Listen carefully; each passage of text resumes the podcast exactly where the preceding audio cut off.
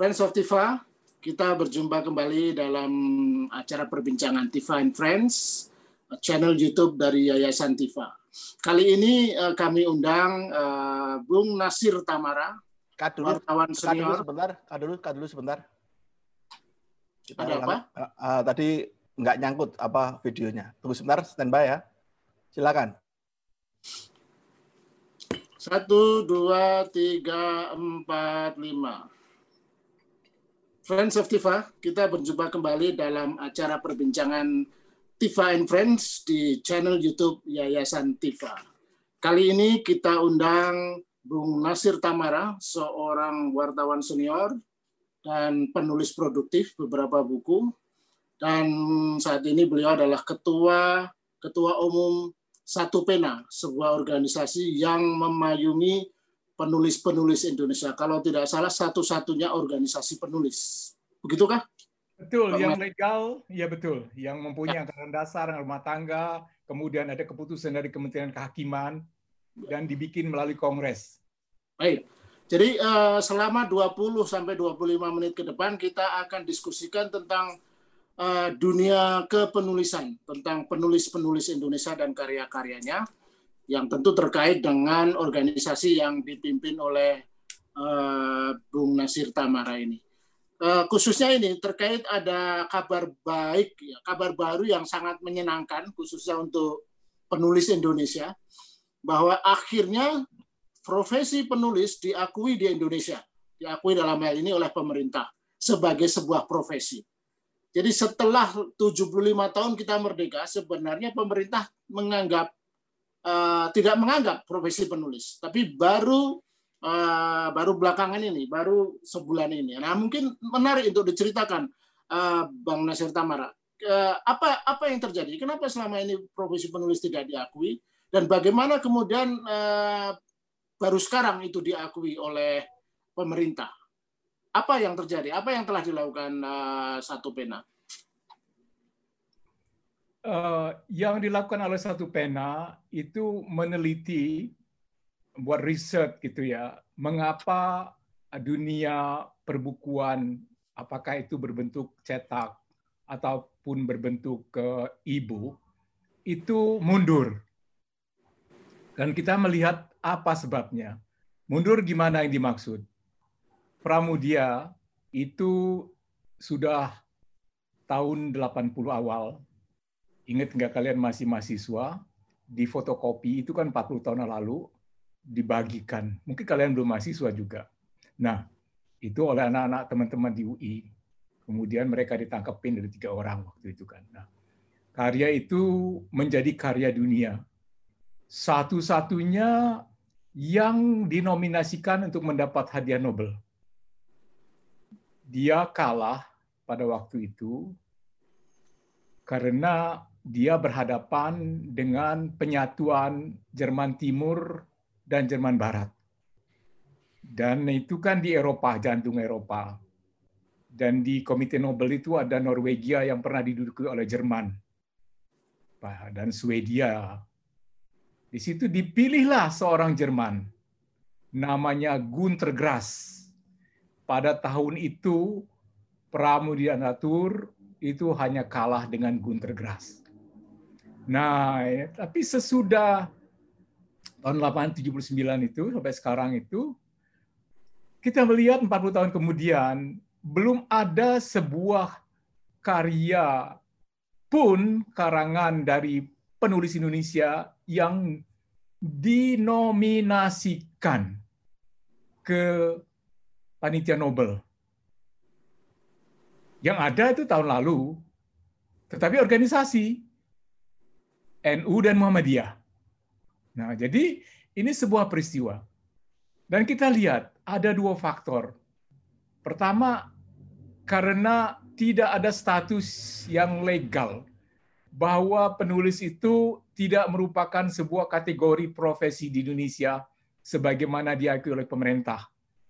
Yang harus tercantum di dalam sebuah kitab yang diterbitkan oleh Badan Pusat Statistik.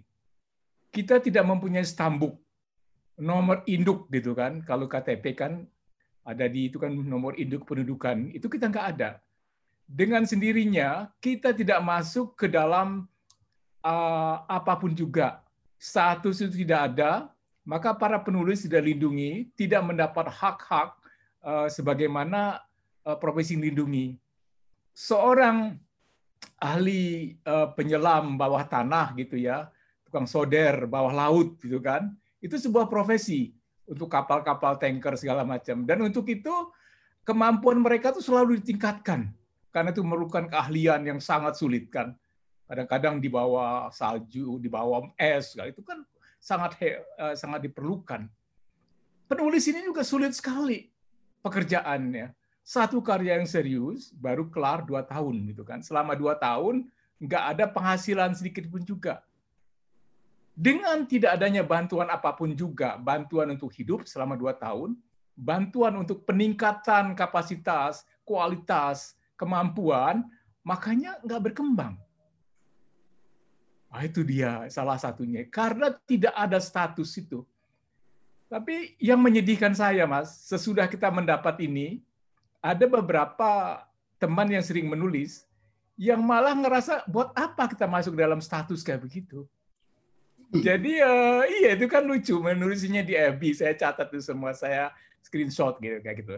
Nah jadi uh, sebagaimana halnya profesi, kalau kita lawyer kan juga kan, kita pengacara, diakui profesinya, kita masuk di dalam sebuah ekosistem yang membantu kita membangun harkat dan martabat dan uh, menggerakkan, memberikan dinamis dan uh, akhirnya kita bisa maju di dalam profesi itu.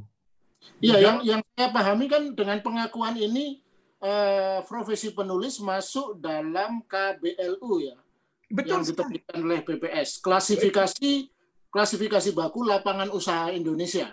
Betul. Jadi artinya artinya konkretnya kalau kalau saya boleh tanya kan eh, eh, pemerintah Indonesia tentu melalui anggaran APBN punya kewajiban misalnya untuk membantu satu survivalitas kemudian juga profesionalitas itu kan. Jadi kalau ada lembaga-lembaga yang berupaya meningkatkan kompetensi uh, penulis uh, pemerintah dengan dengan peresmian masuk di klasifikasi ini mestinya harus membantu kan toh itu juga dana APBN juga dana pajak rakyat juga itu IKP penerbit itu dibantu besarnya karena bantuan diakui. Banyak yeah. sekali bantuan pemerintah mengorder buku besar-besaran. Ingat nggak tahun 80 uh, tahun 2000 2001 2002 sesudah reformasi kan? Itu hmm. kan penerbit banyak sekali. Dibantu oleh Ford Foundation dibantu oleh negara dibantu oleh Bank Dunia misalnya kan itu. Itu kan salah contoh yang paling bagus tuh. Karena tiba-tiba uh, meledak semua Gramedia menjadi sangat besar itu menjadi sangat besar karena ada bantuan pemerintah. Dan di situ tidak terjadi pada uh, pada sektor hulu dari dunia penulisan dari dunia perbukuan yaitu para penulis. Karena buku cetak atau buku elektronik itu kan di hilirnya tapi hulunya itu harus ada naskah yang dibuat naskah yang bagus oleh para penulis dan itu sangat tidak diperhatikan. Pertanyaan berikutnya, mengapa itu tidak diperhatikan? Nah, kalau dalam sejarah kita baca, ada rasa takut terhadap para pemikir yang menulis. Karena para penulis ini beda dengan wartawan. Kalau wartawan kan dia menulis uh, reportasi, bisa menulis investigasi reporting, reporting, tapi dalam singkat kan gitu, nggak ada kontinuitas. Sebuah buku yang serius itu minimum dua, minimal 200 halaman kita tahu lah 225 halaman itu standar sehingga idenya itu bisa dilontarkan. Tapi ide yang di, uh, ide yang dilontarkan bukan tetapi ide-ide yang dilontarkan oleh para penulis dalam bentuk buku yang dibuat secara serius itu mempengaruhi masyarakat.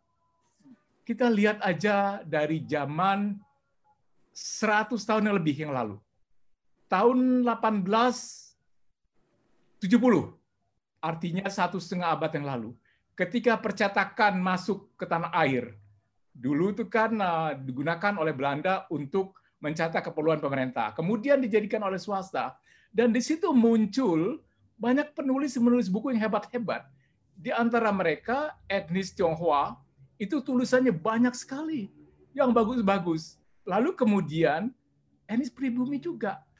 Dan uh, di sini kan kalau kita baca uh, Ben Anderson kan tentang pentingnya di dalam bukunya itu di Imagines Community, itu kan gerakan kemerdekaan kita dimulai karena kita membayangkan bahwa kita akan menciptakan sebuah komunitas baru yang namanya negara. Dan yang memikirkannya itu adalah para penulis. Dimulai dengan orang seperti Muhammad Yamin yang membicara tentang tahun 20-an tentang Nusantara. Bung Hatta, Bung Sahrir, Bung Karno.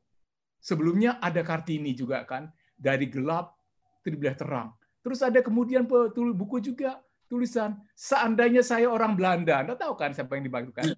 Nah, itu kan yang luar biasa, yang mengubah nasib.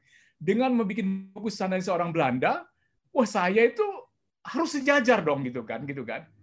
Dan hak-hak saya, hak demokrasi, hak berkumpul, hak asasi manusia.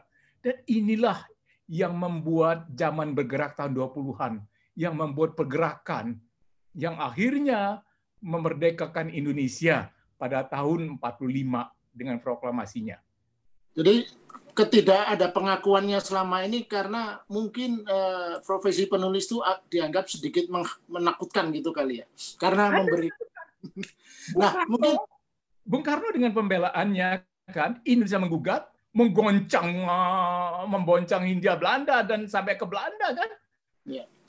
Banyak kan Bung Hatta dengan bukunya Demokrasi Kita menggoncang Orde Lama. Ya. Ingat nggak tahun 55 sudah beliau nggak jadi wakil wakil presiden lagi gitu. Ya, saya kira kita aware lah itu eh, peran-peran apa peran founding father juga saya. Nah, yang justru yang menarik itu itu kenapa kemudian sekarang eh, jadi ternyata kekhawatiran itu yang menyebabkan tertunda pengakuan terhadap profesi penulis sampai 75 tahun setelah Indonesia merdeka. Nah, sekarang yang yang menarik untuk dipaparkan di sini prosesnya bagaimana? Sejak kapan uh, Bung uh, Nasir Tamara dan dalam hal ini sebagai satu pena mem, berupaya memperjuangkan itu. Mungkin bisa diceritakan sekilas uh, prosesnya sehingga kemudian empat tahun yang lalu di Solo dibikin sebuah kongres para penulis, para penulis lintas genre jadi para penulis fiksi, non fiksi.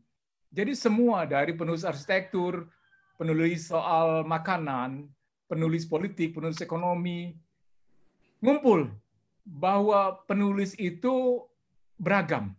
Jadi dia tidak hanya selama ini kan penulis itu selalu dianggap mereka yang lebih banyak menulis uh, fiksi. Apakah berbentuk puisi, berbentuk cerpen, novel, roman segala macam itu kebiasaannya. Padahal banyak penulis puisi, roman, novel segala macam juga adalah para penulis buku-buku non fiksi seperti Pak Motar Lubis dengan manusia Indonesia yang menggemparkan itu kan juga kan kritik terhadap mahasiswa Indonesia ya, mahasiswa Indonesia yang dibacakan di Taman Ismail Marzuki. Jadi uh, karena itu kami yang berkumpul itu berkata bahwa penulis ini sebetulnya satu. Mereka tergantung minatnya bisa berubah. Hari ini nulis cerpen, besok nulis puisi, besoknya lagi buku politik. Itu biasa sekali terjadi. Pramudia Natatur juga. Dari Jalan Raya Dandel, sejarah, sampai dengan eh, tetralogi bumi manusia kan. Dia tulis macam-macam. Nah, jadi kita bertemu dan akhirnya kita bersepakat untuk membuat sebuah asosiasi namanya Persatuan Penulis Indonesia yang tugasnya adalah membantu uh, memperjuangkan hak-hak para penulis di tanah air Haknya itu apa? Hak politik, hak ekonomi, hak berkumpul, mengungkapkan pendapat, menulis, kebebasan.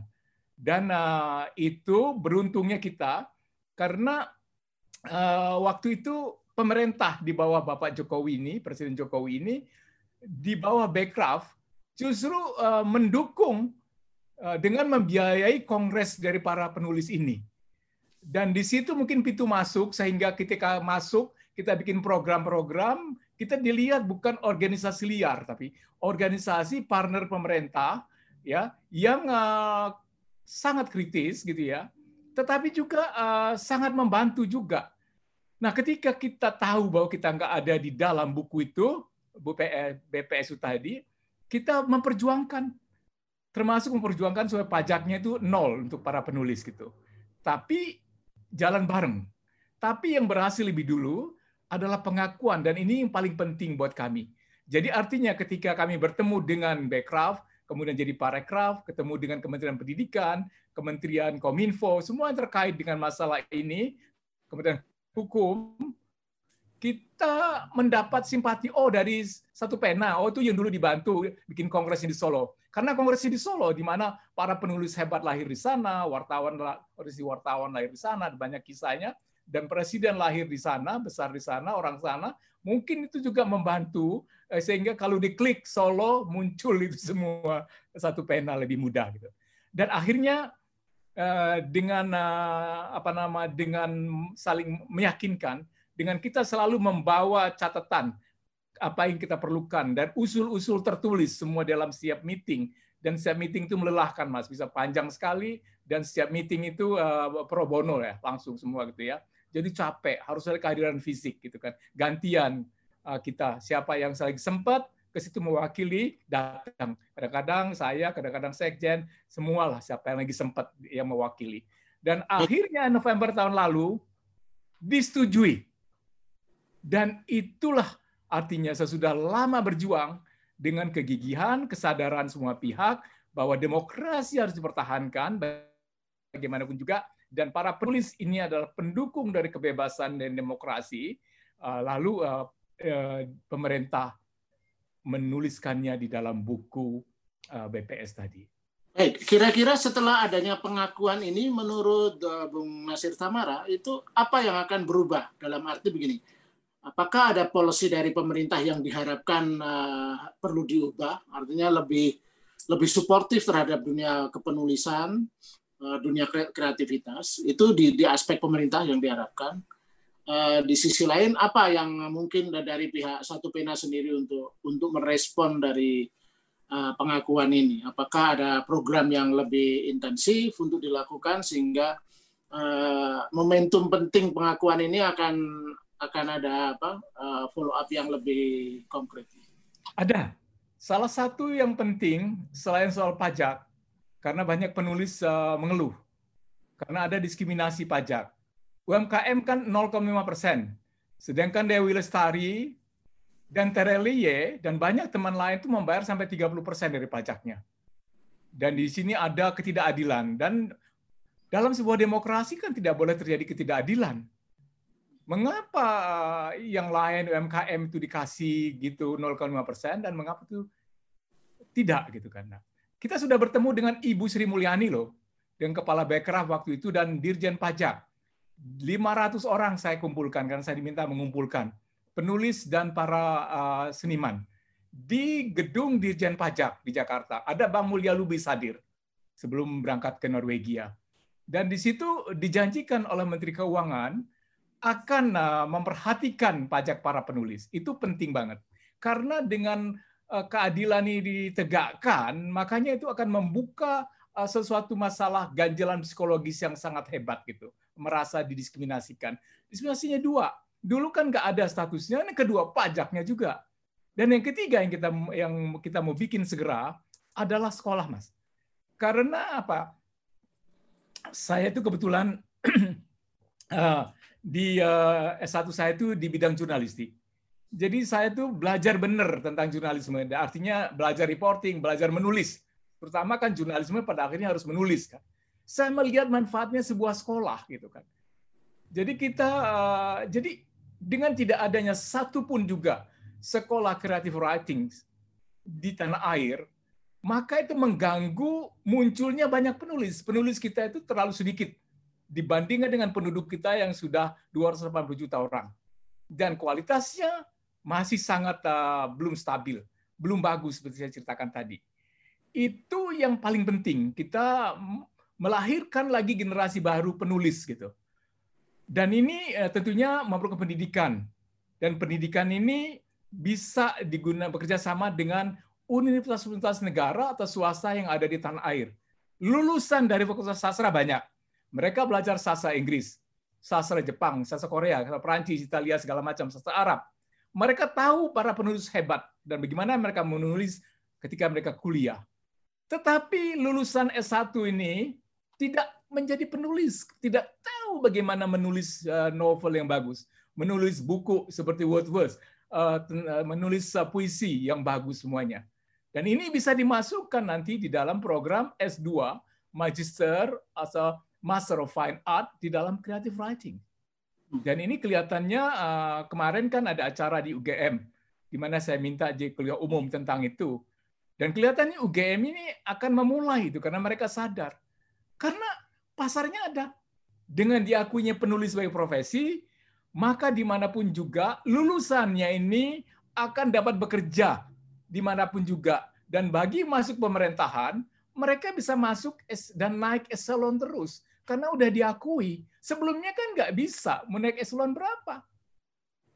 Ya kan masuk. Nah ini bisa sampai dengan uh, dirjen segala macam secara profesional. Dengan uh, KTP ditulis KTP penulis. penulis. Iya. Sekarang ya. kan nggak bisa. Waktu sebelum bulan November ini, sebelum Januari ini belum nggak bisa. Kalau kita ke kelurahan minta ditulis bilang tulis saja mahasiswa karena nggak ada katanya di matriks pemerintahan. Kan gila. tulis saja ini aja namanya. Ada apa uh, apa gitu. Uh, pokoknya jangan uh, penulis. Ya baik. Ini pertanyaan terakhir ini menarik ya. Jadi pertama ya selamat dulu lah ya penulis sudah diakui karena kebetulan saya di saya kartunis jadi uh, saya uh, punya lembaga juga uh, komunitas kartunis namanya uh, apa uh, Federasi Pakarti uh, Paguyuban Kartunis. Sampai sekarang Pak satu kartunis tidak diakui, seni kartun juga tidak diakui. Jadi kayak lapangan lepas. Tapi baiklah, kira-kira tantangan ke depan bagaimana ini untuk penulis ini pertanyaan terakhir nih. Tantangan ke depan artinya yang kita tahu sekarang kan dunia digital ini kan Eh, istilahnya klisenya mendisrupsi banyak hal ya banyak pekerjaan yang hilang nah salah satu yang eh, mengalami goncangan dengan dunia digital adalah penulis. Karena eh, yang paling konkret aja adalah adalah buku-buku digital. Itu paling mudah dibajak kan? Ya tentu saja buku cetak juga mudah dibajak. Nah kira-kira ke depan itu tantangan utamanya pak selain yang saya dengar juga eh, soal kreativitas soal plagiasi dan semacamnya Ya pembajakan itu harus dihentikan. Itu dulu dan kemudian uh, menjaga intellectual property. Jadi begini mas, uh, justru pada era digital ini peluang terbuka sekali bagi para penulis untuk menulis di e-book segala sesuatu yang terkait dengan e-book.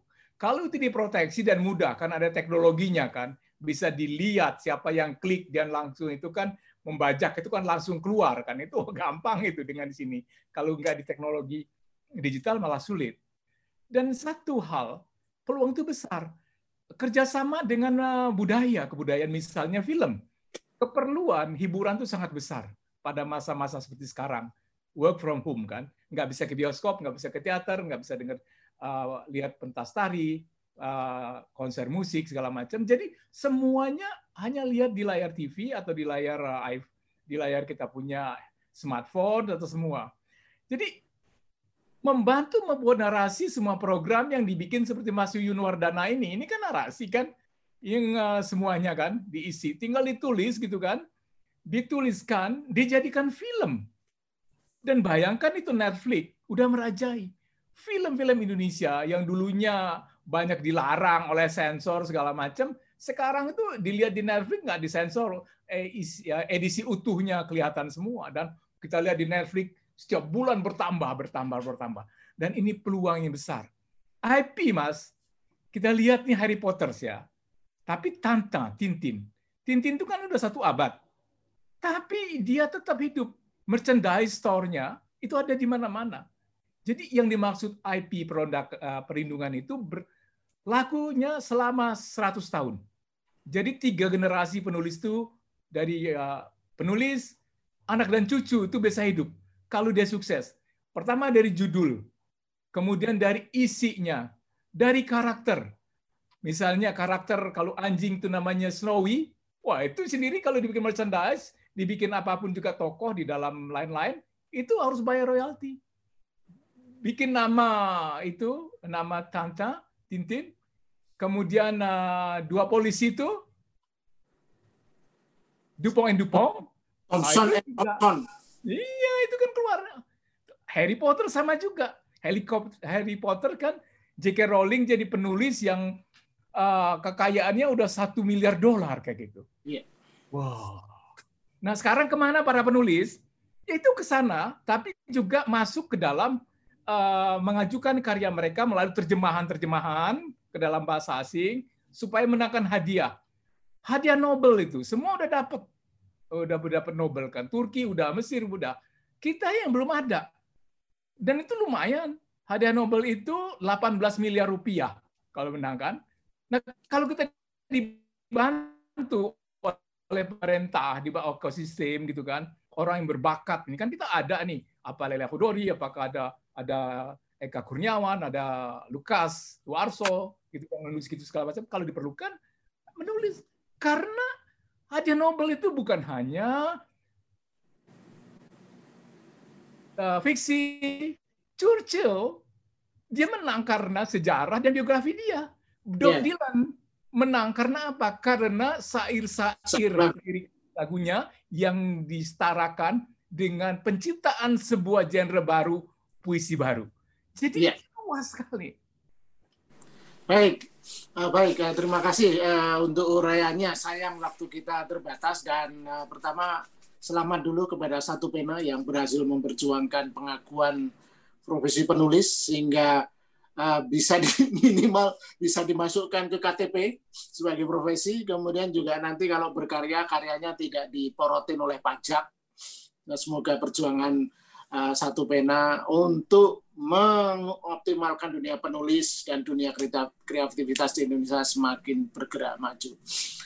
Uh, Friends of Tifa, uh, demikian perbincangan kita kali ini dengan Bung Nasir Tamara kita akan berjumpa lagi dalam perbincangan lain yang menarik dengan tema-tema yang menarik. Salam.